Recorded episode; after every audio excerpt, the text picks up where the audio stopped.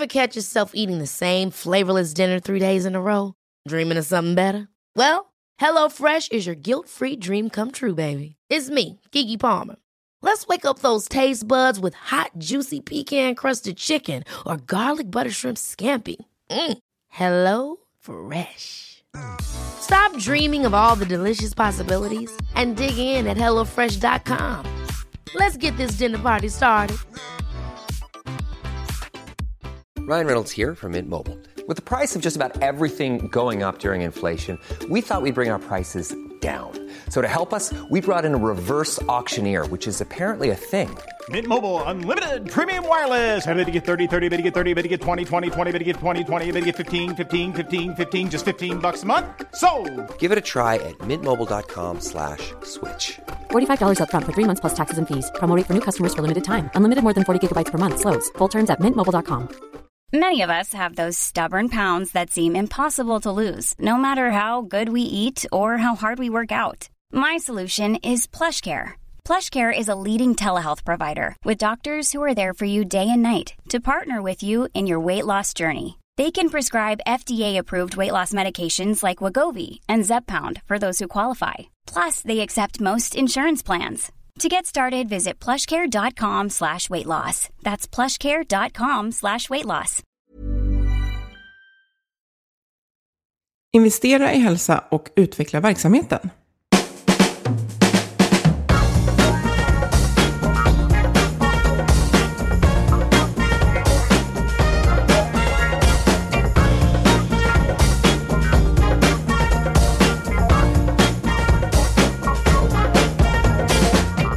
Här är Health for Wealth, en podd om hälsa på jobbet.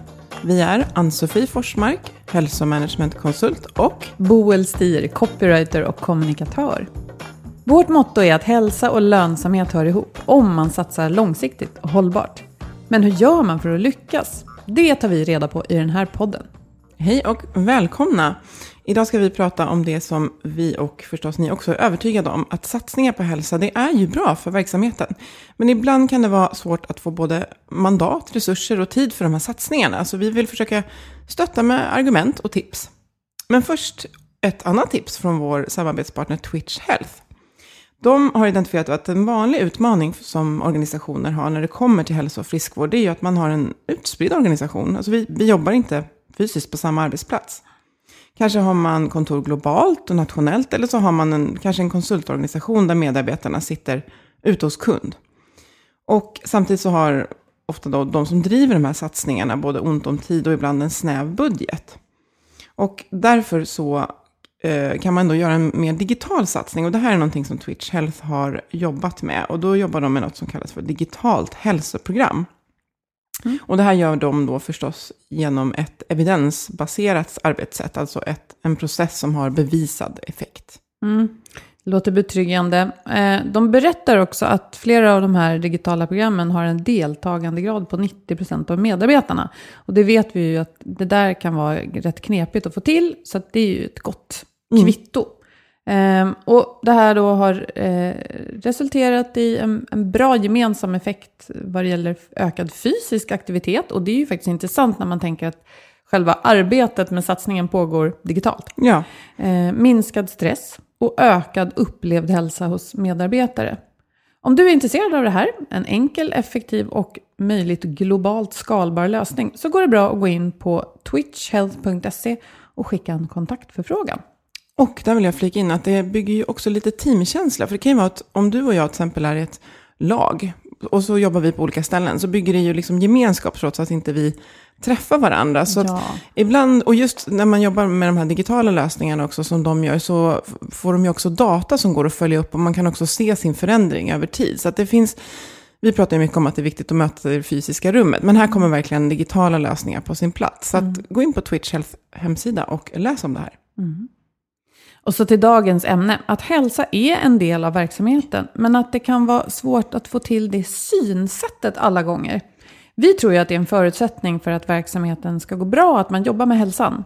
Och ändå kan det vara så svårt att få investera både tid och andra resurser.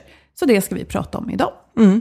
För att en av de vanligaste frågorna som jag möter, och, men också får, och faktiskt senast igår när jag var med på en konferens som Metodikum anordnar, eh, så fick jag en fråga av hon som modererade eventet och sa, men hur, hur om man, om man liksom vill ta sig in i ledningsrummet eller få igenom det här hos cheferna, hur ska man göra? Och jag tänkte att den här frågan kommer upp så himla mycket och den utbildning som jag höll förra veckan också, den var ju också mycket fokus på det här att men vi brinner så mycket för det här och vi vill göra det här, men vi har svårt att få gehör. Och en sak som jag vill lyfta där direkt är ju att jag tror inte att det är någon som sitter och säger, nej men jag tycker inte att hälsa är viktigt och i vår verksamhet är det inte viktigt att må bra. Men, Åtminstone säger man det inte så. nej, nej men precis, men, men just det här att det, det kan just vara så, men, men vi har faktiskt en verksamhet att driva. Så. Och det är det där gapet som vi behöver stänga och vi vill liksom prata om idag, både med eh, lite retorik men också kanske komma in lite på, på hälsoekonomiska investeringar. Ja, och det är intressant att eh, konstatera då att det verkar vara så att många som driver hälsofrågor gör utifrån en egen inre motivation som kanske mer handlar om att bry sig om människor, sig själva och andra och sammanhangen. Eh, och att det kanske inte tar sitt avstamp i siffror och lönsamhet, men det skulle ju lika gärna kunna vara så. Och är det inte Absolut. dit vi vill komma egentligen? Ja, men jag tänker att om man säger att man, man ser att man tappar försäljning eller man tappar medarbetare, eh, det är svårt att rekrytera, så tänker man kanske ofta att det här är en verksamhetsfråga, men man, tar inte, man kopplar inte till hälsosatsningar. Men hälsa är ju ofta orsakerna till att, alltså, det som vi, sättet som vi ser på hälsa, som våra lyssnare ser på hälsa, det är ju ofta orsaken till att här, de här Ja. problemen uppstår. Och då bara för att vara så här superövertydlig, så handlar det ju sällan om att man har missat att ha liksom gemensamma träningspass. Utan det handlar om hur man är mot varandra, vad det är för kultur som råder på arbetsplatsen och hur ledarskapet är. Mm, och det är ofta resursfördelning, som jag tänkte vi skulle ta ett exempel på sen. Men, Ja. ehm, ja, så om, men om man säger vad är det som, om man säger så här då, om man vänder på det och säger vad är det som kostar när vi inte jobbar bra tillsammans och när vi inte, för vi vet ju vad som skapar eh, en lönsam verksamhet och vi vet vad som skapar en verksamhet när människor mår bra. Och det är ju, ett, det är ju KASAM-modellen, alltså den här känslan av sammanhang. Att folk kommer in på jobbet när de än börjar och vill göra det de ska. De vet vad de ska göra och vad, de, vad andra som de jobbar med gör, alltså rolltydlighet och ha kunskap. Och sen så har man resurserna för att klara av det. Och resurser kan ju vara hjärnkapacitet, men det kan också vara att jag har en nyckel som tar mig in genom en dörr och att mitt wifi funkar och programmen jag jobbar i funkar. Så det är väldigt unikt beroende på verksamhet. Men de här bitarna behöver finnas på plats för att vi ska vara både produktiva, lönsamma, få nöjda kunder, men också må bra. Så det är därför hälsa är lönsamt. Hela grunden till podden. Och sen är det ju då, när, eh, när man har satt de här tre hörnen som du pratar om, vad, varför, hur, och att det funkar med mina egna drivkrafter, att det inte är för stort glapp mellan vad organisationen gör och hur, och hur jag vill leva så att säga, eh, så är det ju ändå så att det här yttrar sig i hur vi beter oss mot varandra varje dag. Så att även om man skulle ha ett tjusigt dokument där man har uttalat vad man ska göra, hur och varför, så måste man ju varje dag då leva det här som vi kallar för en kultur. Ja. Och det, är det inte därför det blir så svårt? Man kan göra de här månadsrapporterna och titta på siffror Mm. och bokslut och så vidare. Och snacka omsättningsmål och allting. Men eh, så länge då vi i beteendet varje dag missar saker Mm. så kommer det gissningsvis ändå att leda till att folk blir sjuka, slutar och så vidare. Ja, men precis. Och, och just att de här fina värdeorden som vi sätter, det, det viktigaste är ju faktiskt att de funkar i det vardagliga. Ja. Eh, och det var så kul igår för Charlotta Edenvik som vi hade här från Arbetsförmedlingen i kundtjänst i Karlskoga. Och igår fick jag en mycket längre liksom, dragning än vad hon gjorde i podden på vad de har gjort. Och jag bara, alltså jag är så otroligt imponerad. Men det var så kul för hon lyfte ju det här också, att de hade ju också med att de skulle ha kul på vägen. Och hon vävde in det så bra i sina exempel. De gjorde grejer, det var siffror. Och så gav hon ändå exempel på hur det också var att de hade kul längs vägen. Med lite så här, de hade något vernissage på skoj när de gick runt och berättade om idéer och satsningar de gjorde. Och de hade någon koppling till, om det var Iron Maiden eller vad det var, analyserade vilka beteenden de hade på scenen. Alltså det var, det var så bra. Jag kan verkligen rekommendera att ta del av, av, av det de har gjort. Så att, Precis, och det är ju när våra uttalade värderingar som vi ska ha inte lirar med hur vi är mot varandra så uppstår det problem beroende på vilken typ av verksamhet vi har. Men Och då, och då börjar det kosta. Men om vi ska titta närmare på det där, vad är det som, som kostar? Om Ja. man tänker. i ett företag. Människor, eh, resurser är ju ofta den största kostnaden. Ja, precis. För vi har oftast, vi, vi har dyra maskiner också självklart. Men, men det är människorna som ska ta hand om de dyra maskinerna också. Men f- sjukfrånvaron är ju, är ju den enkla eh, att slå ner på. Och eh, där är det ju lite olika, för där vet jag ju att i många organisationer så har man en, en dold sjukfrånvaro för att man kanske är sjuk. Men om jag till exempel har väldigt mycket övertid, kanske inte jag är så benägen att, ja, ska jag liksom ta en obetald karensdag här när jag kanske ändå sitter hemma och svarar på mejl. Så många har en dold sjukfrånvaro där man är hemma och är sjuk men inte sätter upp tid, till exempel. Eh, och sen har vi ju då det som, det som är lite svårare att räkna på, men som man ju ändå de senaste åren försöker räkna på, det är ju den här sjuknärvaron. Och den tänker jag, det är ju ett väldigt stort spann, för att det kan ju börja någonstans i att det här är hur produktiva vi skulle vara om vi visste vad vi skulle göra och hade alla resurser. Ner till att jag är på jobbet och mår väldigt, väldigt dåligt, men jag faktiskt är på jobbet. Det är en ganska lång skala, så när blir det att vi har dålig effektivitet och dålig produktivitet och när blir det sjuknärvaro? Jag tänker att det är en, det är en skala någonstans, men om du är på jobbet och upplever en, en konflikt och en otydlighet, men mår ganska bra när du går från jobbet. Så ja, ska man säga att du är sjuknärvarande eller ska man säga att det är problem med organisationen? Alltså det är, en- det är en skala och det får man förstå. Eh, och sen så är det ju så att om det inte funkar bra på arbetsplatsen och, och vi har, som nu en högkonjunktur till exempel, så eh, kan ju personalomsättning faktiskt vara en sak som kostar väldigt mycket när vi har dålig hälsa i organisationen. För att människor väljer att lämna. Och ja, Ja, nej, jag tänker om, om jag nu är en sån som kommer till ledningen, chefen eller vad det nu är för beslutsfattare som jag vill övertyga och vill göra någon typ av hälsosatsning, jag vill jobba med hälsa i min organisation. Eh, och så säger jag det, ja men vi har ju ändå ganska hög personalomsättning. Då kanske den här personen säger att ja men du vet, våra medarbetare är väldigt eftertraktade. Det är många som sliter i dem och de vill utvecklas och ha liksom en hög eh, förändringsbenägenhet. Så det är inte så konstigt att många slutar. Nej. Och så gissar vi bara. Alltså jag gissar på mitt sätt. Jag tänker, nej, det beror nog på hur vi mår här. Och, och den här beslutsfattaren gissar på ett annat sätt. Hur ska jag gå tillväga för att få tag i siffrorna egentligen? Mm, det kan ju vara svårt därför att eh, många har ju det som man kallar för exempel exit-intervjuer. Till exempel där jag frågar dig, men Boel, varför ska du sluta här? Och det beror ju lite på hur ärlig du är beredd att vara. För du kanske känner så här att ja, jag kanske vill komma tillbaka hit. Och kanske inte vill säga att ja, men min chef är en stor idiot. Så att det är därför jag slutar. Eller, eh, men däremot så, så, så, ja, så det beror faktiskt lite, lite på. Men där får man ju känna av, för det första har man ju ofta en bransch som man kan jämföra med.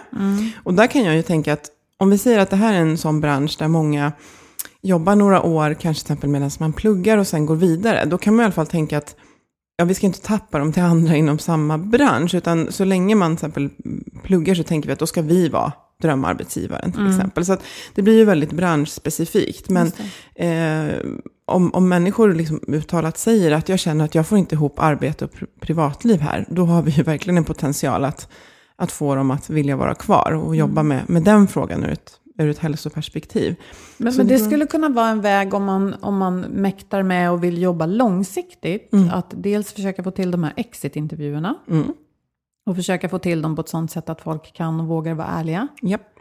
Eh, så vet jag inte, medarbetarundersökningar. och- Ja, där kan man ju också fiska efter sådana saker.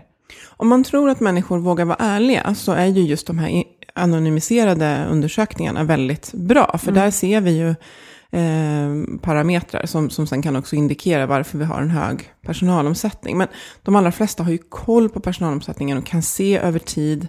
Och man kan också göra en typ av omvärldsanalys att ja, men nu är det väldigt hippt att börja jobba där och därför har vi fått en ökad jag vet inte, men, men, men oftast kan man i alla fall se, ser man ett trendbrott, oj, helt plötsligt är det väldigt många som slutar, det är definitivt fler än vad vi vill att det ska vara, eh, så är ju det en väldigt, väldigt kostsam fråga, därför att ehm, i- alltså en, en personalomsättning kan ju kosta alltså allt ifrån väldigt lite, om det är någon som bara, ja, här är din, här är vad du ska göra, kör igång, men det är ändå administrativ tid, annons, rekrytering, till att till exempel en, en, en väldigt högutbildad som är specifikt tränad på en yrkesroll, då kan vi ju prata miljonbelopp. Det är inte konstigt. För att den personen behöver ju handledning från andra Ja. och det tar tid innan den är i full produktion.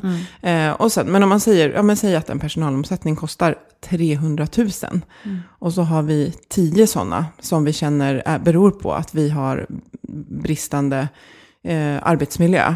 Och nu pratar jag alltså inte den fysiska då, eller det kan ju vara den också. Eh, då är ju det liksom 3 miljoner kronor som går att hämta in kanske om vi sparar in de 10. Så man, jag tänker så här, om jag nu återigen är den här personen som vill ha tag i siffrorna. Så dels se vad våra egna eventuella undersökningar ger över tid. Eh, och sen räkna på vad nyrekryteringar och ja, allting kring någon som slutar och en annan som tillträder kostar. Då, det, det är ett bra ställe att börja.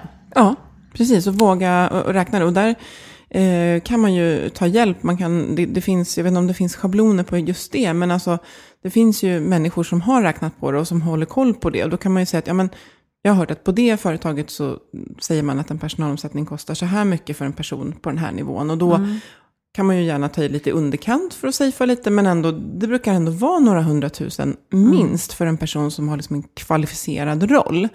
Och eh, ja, några sådana, då rusar ju liksom pengarna iväg. Och det är ju också en väldigt lätt siffra att följa upp om man gör en satsning och säger vi vill minska vår personalomsättning, vi vill att människor ska stanna kvar här. Och vi vill göra den här satsningen, vi tror att den ska få människor att stanna kvar. Så går ju den lätt att, att följa upp så. Precis som sjukfrånvaron som också är ändå ganska lätt att räkna på så. Och så tänker jag att det kan ju vara väldigt olika. Om man jobbar i en väldigt liten organisation så syns ju siffrorna snabbt för hela Ja, totalen. Men jag tänker att om man jobbar i en mindre organisation och det kan vara en stor bit att tugga, vad heter det, en stor, eh, ja, ett stort arbete helt enkelt. Så kan man väl börja med en avgränsad del av organisationen kanske. ja Kanske lättare att få accept. Ja, men precis. Ehm, jag tänker att man skulle kunna, för det lättar ju ofta att man säger att man vill minska sjukfrånvaron till exempel, när man vill göra en hälsosatsning. Men jag tänkte om vi skulle eh, skicka med några andra faktorer som man faktiskt kan säga att man vill påverka i en hälsosatsning. Eh, och då ja, har vi pratat lite om personalomsättningen och, och den kan vara en stor, en stor utmaning. Vi har många som slutar och vi skulle vilja, vi tror att det kostar så här mycket ungefär och vi skulle vilja göra någonting. Ja. Eh, men också nöjda kunder, att man ofta mäter kundnöjdhet. Och eh, eh, där vet vi ju att det är oftast hur man blir bemött och, kanske inte bara hur det ser ut, till exempel i den lokal där man konsumerar. Utan om vi har personal som mår bra så kommer de förmodligen att vara bättre i sitt kundbemötande, eller patient eller vad det kan vara. Och det påverkar. Och eh, kanske också om man har varor, alltså antal returer och slarv. Eh, så, och klagomål. Och sen också en annan, jag tänker att det är talangernas värld där ute, att vi får fler jobbansökningar. En sån grej. Vi har profilerat oss som ett hälsofrämjande företag och vi kommunicerar det i våra sociala medier och annonser. Och det är fler som söker jobb hos oss för att vi satsar på hälsa. Det ger också lönsamhet långsiktigt. Verkligen, för, för att inte tala om värdet av eh, de ambassadörer man har, alltså medarbetare själva. Och då gäller det även de som slutar. Mm. De fortsätter ju alltid att vara ambassadörer, för Ja. eller emot. Precis. Beroende på vad de har upplevt. Ja, precis. Så det finns just sånt där som man ofta, sånt man faktiskt räknar på, men man säger inte direkt att det här har med hälsa att göra till exempel. Eh, och sen kan det också vara en, en sån grej att man kanske har en, en sjukvårdsförsäkring och så får man statistik från den och att det är väldigt många som har sökt för stress och ont i ryggen till exempel förra året. Och så gör vi en insats och ser att ärendena till sjukförsäkringen har minskat. Och där kan ju också bli pengar att spara för att då kanske man får en lägre premie om man har schysst sjukvårdsförsäkring. Eh, och sen så har man ju ofta som sagt medarbetarundersökningar som, där man frågar om hur, hur liksom ledarskapet är och sådär. Och då kan det ju vara att det är ju en viktig hälsofaktor. Alltså det vet vi ju att hur min chef är, det betyder väldigt mycket för hur jag mår på jobbet. Så eh, gör vi en satsning där till exempel riktat mot ledarskapet och medarbetarskapet och får bättre värden på det året efter så är det klart att det får en påverkan på verksamheten också. Så, så det är ju saker som man faktiskt kan säga att det, vi vill göra en satsning som kommer att förbättra det här. Så kanske man har eh, plockat bort det här med mm, morötter och, morötter och tightsen. Mm. Jag tänker på det här med hur viktig den närmaste chefen är för hälsan. Eh, det, det vet vi sedan tidigare. Vi vet också att eh, det faktum att många chefer har alldeles för många medarbetare. Mm. Eh, det är att be om sju, långtidssjukskrivning. Vad, säger vi att eh, grän, den magiska gränsen går någonstans vid 30 personer. Sen blir det ohållbart att ha fler människor att överhuvudtaget ha en relation till. Och då tänker jag att där skulle man kunna göra ett räkneexempel också om man, om man ser att det här eh, är ett problem. Att om vi anställer fler chefer, kan vi då få färre som sjukskriver sig, eh, som mår dåligt och som slutar? Mm. Definitivt. Definitivt. För precis, där skulle kunna vara eh, ett sånt exempel. Till exempel om man har en organisation där chefen eh, både ska vara ledare, men också själv är, om man säger i drift, citationstecken, kanske en konsultchef som själv har kunder. Och, som, och här har jag faktiskt gjort ett räkneexempel där eh, man säger att de får Säg att de får fyra timmar till i veckan att bara rikta sig till sin personal, höra av sig. Hur har du det Boel? Behöver du hjälp att prioritera? Kan jag hjälpa dig med någonting? Fångar också upp om jag märker att nu har Boel lite mycket, vilket jag kanske inte hann tidigare. Och att vad är alternativkostnaden då? Jo, det är ju att jag egentligen skulle debitera mot kund. Men om det här skulle leda till att vi sparar in en uppsägning för att du plötsligt känner att Nej, men det har blivit bättre nu. Min chef ser mig, jag får hjälp att prioritera. Eh, vilket gör att min, min liksom arbetsbelastning faktiskt känns bättre. Och det här kan vi också säga, det är ju lagstadgat. Alltså det här finns ju med i organisatorisk och social arbetsmiljö. Eh, så kanske du inte slutar. Och det kanske kostar en halv miljon att rekrytera en ny boel och träna upp. Då har vi kanske sparat in den satsningen. Så. Och ett alternativ till det till exempel är ju att eh, anställa en administrativ resurs. Kanske på halvtid. Säg att det skulle kosta 300 000 per år. Och så spar vi in en uppsägning det året och vi tror att den kostar 300 000. Då går ju den satsningen plus minus noll. Och då har vi inte räknat med de positiva effekterna av att vi får in en person Över som... tid Ja. och ja, minimerar den typen av händelser. Alltså att folk säger upp sig helt i onödan. Ja.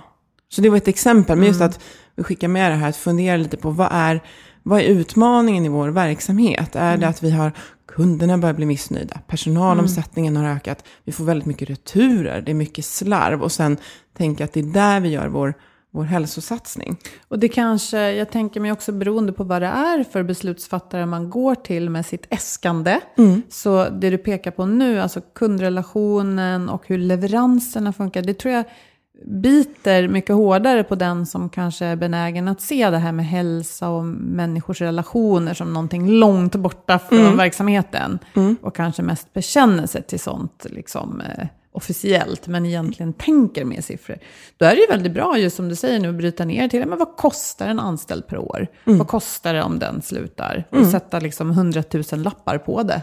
I runda tal så. Våga göra det. Och, och känner man att det är läbbigt att räkna, så just det vill komma till då att om man har en uppfattning om vad vi skulle behöva mer av, vi, det är otydligt, vi har, inte, vi har ingen tid, eh, chefen har inte tid för oss och chefen har inte tid att leda eller vi har inte tid att prioritera. Att man eh, i jargongen när man äskar som sagt om medel och resurser kanske inte säger vi vill göra en hälsosatsning utan man säger vi, skulle, vi har en tanke om hur vi ska gö- skapa fler nöjda kunder, minska personalomsättningen, öka effektiviteten, öka produktiviteten. Sen är förslaget detsamma, men retoriken till den man ber om resurser ifrån är att det här är en idé om en lönsam eller produktiv verksamhetsutveckling som vi faktiskt har kokat ihop här. Då låter det, för, för någon som man då tror har lite problem med om man kommer och pratar om hälsa, låter ju det här, men det måste ni berätta om, hur har ni tänkt här? Så, så Det är ju att, ren retorik, alltså retorik, att, att mm. övertyga andra för och, och då använda språket som hjälpmedel Ja. för att de ska lyssna. Mm. Det är ju jättesmart. Och jag tänker också att eh, eh, ett tips här, om man ska övertyga någon, till exempel sälja något, det är ju att först definiera en problemställning. ja, Att börja där, Ja. precis som du säger, inte säga hej jag skulle vilja prata med dig om en hälsosatsning, utan kanske snarare säga du, vi har ju problem här att vi har lite för hög personalomsättning, det pratade du själv om här om sistens eller så. Och sen få den människan att, att säga ja, nej men vara överens med mig då i problemställningen. Men jag har en lösning för det som jag skulle föreslå. Då har man redan människans öra och eh, liksom, till hälften med på tåget. Ja, och nu pratar vi ganska stora drag, men tänk om man vi tar ner på någon mindre nivå. Vi säger så här, ni vet hur det brukar vara på eftermiddagarna, att alla är så här trötta. Vi har svårt att få den här energin när vi sätter de här strategimötena på torsdag eftermiddag.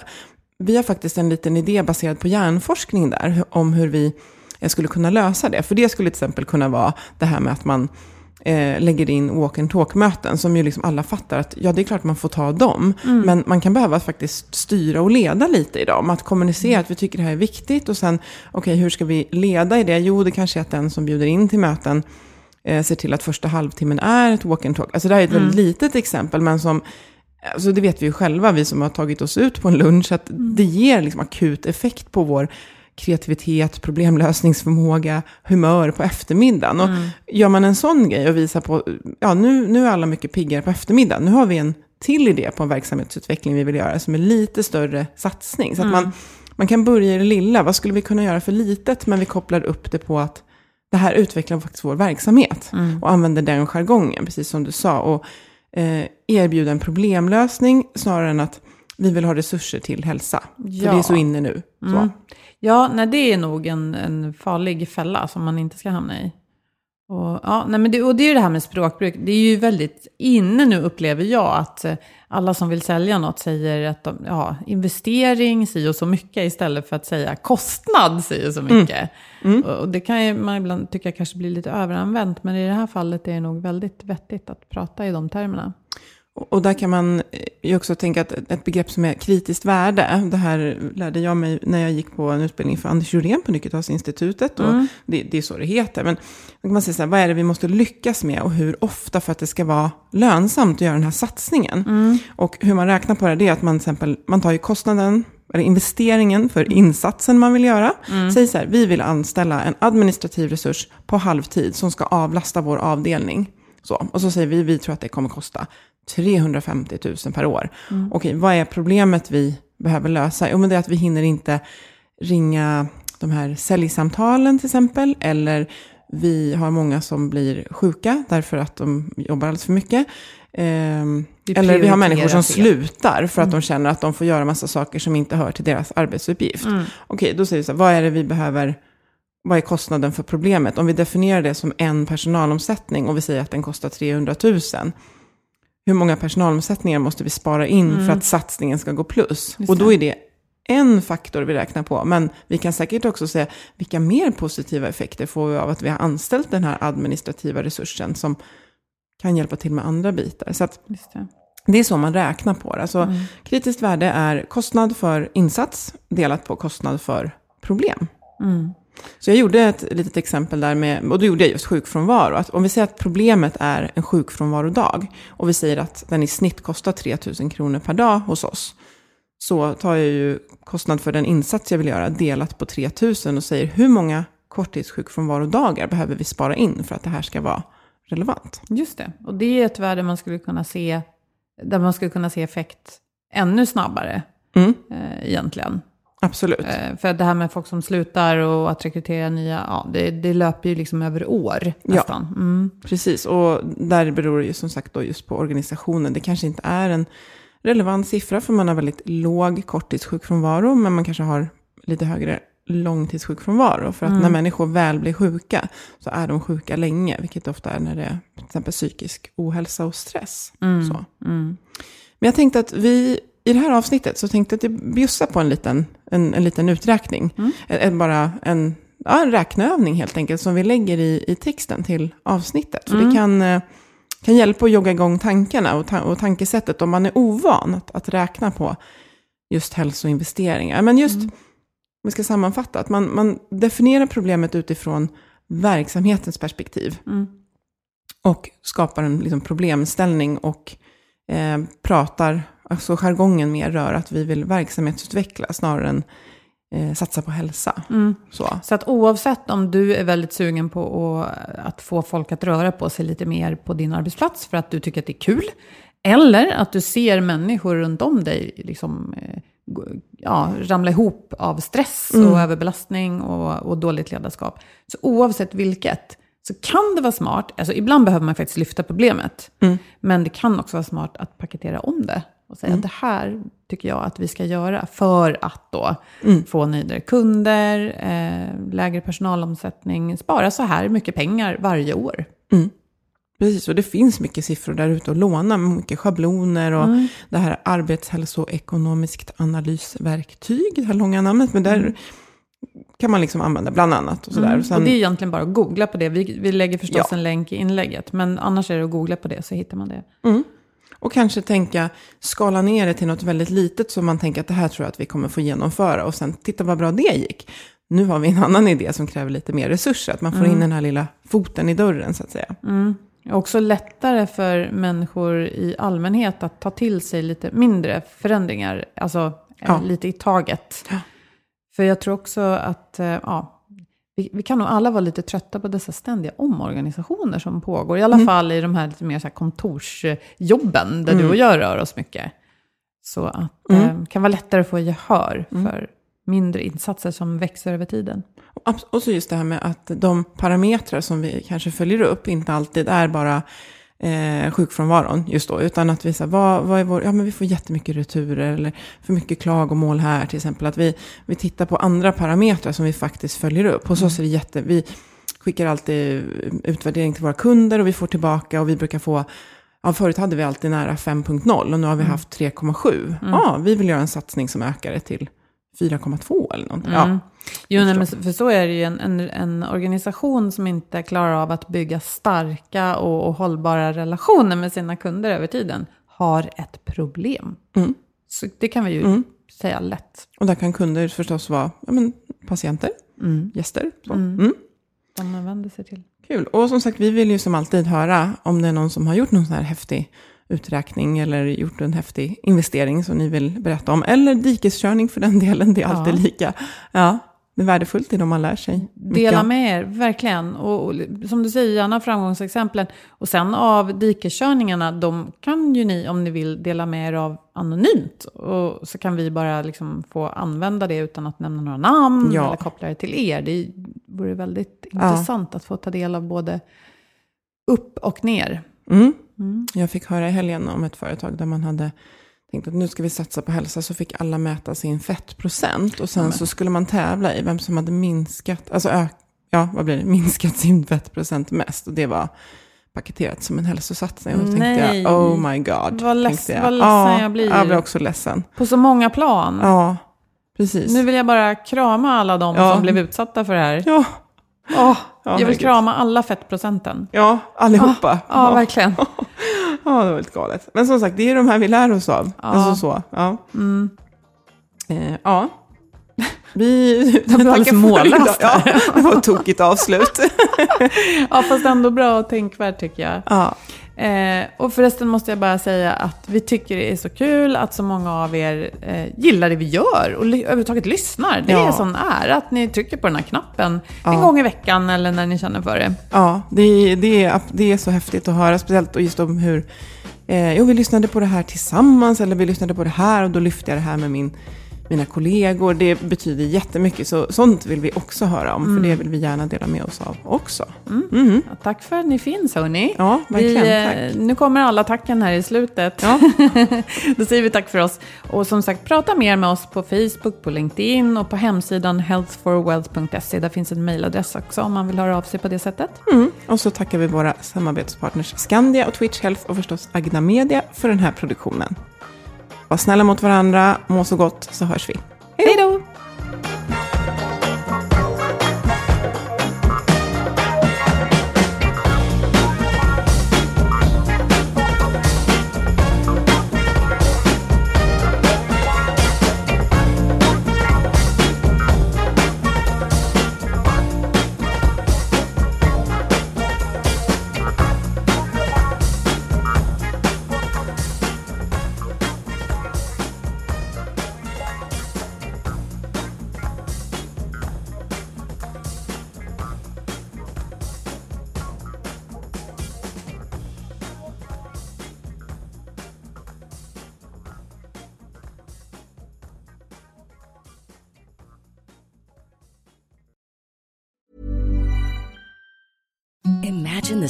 Softest sheets you've ever felt. Now imagine them getting even softer over time. That's what you'll feel with Bowl and Branch's organic cotton sheets. In a recent customer survey, 96% replied that Bowl and Branch sheets get softer with every wash. Start getting your best night's sleep in these sheets that get softer and softer for years to come. Try their sheets with a 30-night guarantee. Plus, get 15% off your first order at bowlandbranch.com. Code BUTTERY. Exclusions apply. See site for details. Hi, I'm Daniel, founder of Pretty Litter. Cats and cat owners deserve better than any old-fashioned litter. That's why I teamed up with scientists and veterinarians to create Pretty Litter. Its innovative crystal formula has superior odor control and weighs up to 80% less than clay litter. Pretty Litter even monitors health by changing colors to help detect early signs of potential illness. It's the world's smartest kitty litter. Go to prettylitter.com and use code ACAST for 20% off your first order and a free cat toy. Terms and conditions apply. See site for details. Mom deserves the best, and there's no better place to shop for Mother's Day than Whole Foods Market. They're your destination for unbeatable savings, from premium gifts to show-stopping flowers and irresistible desserts. Start by saving 33% with Prime on all body care and candles. Then get a 15-stem bunch of tulips for just $9.99 each with Prime. Round out Mom's menu with festive rosé, irresistible berry chantilly cake, and more special treats. Come celebrate Mother's Day at Whole Foods Market.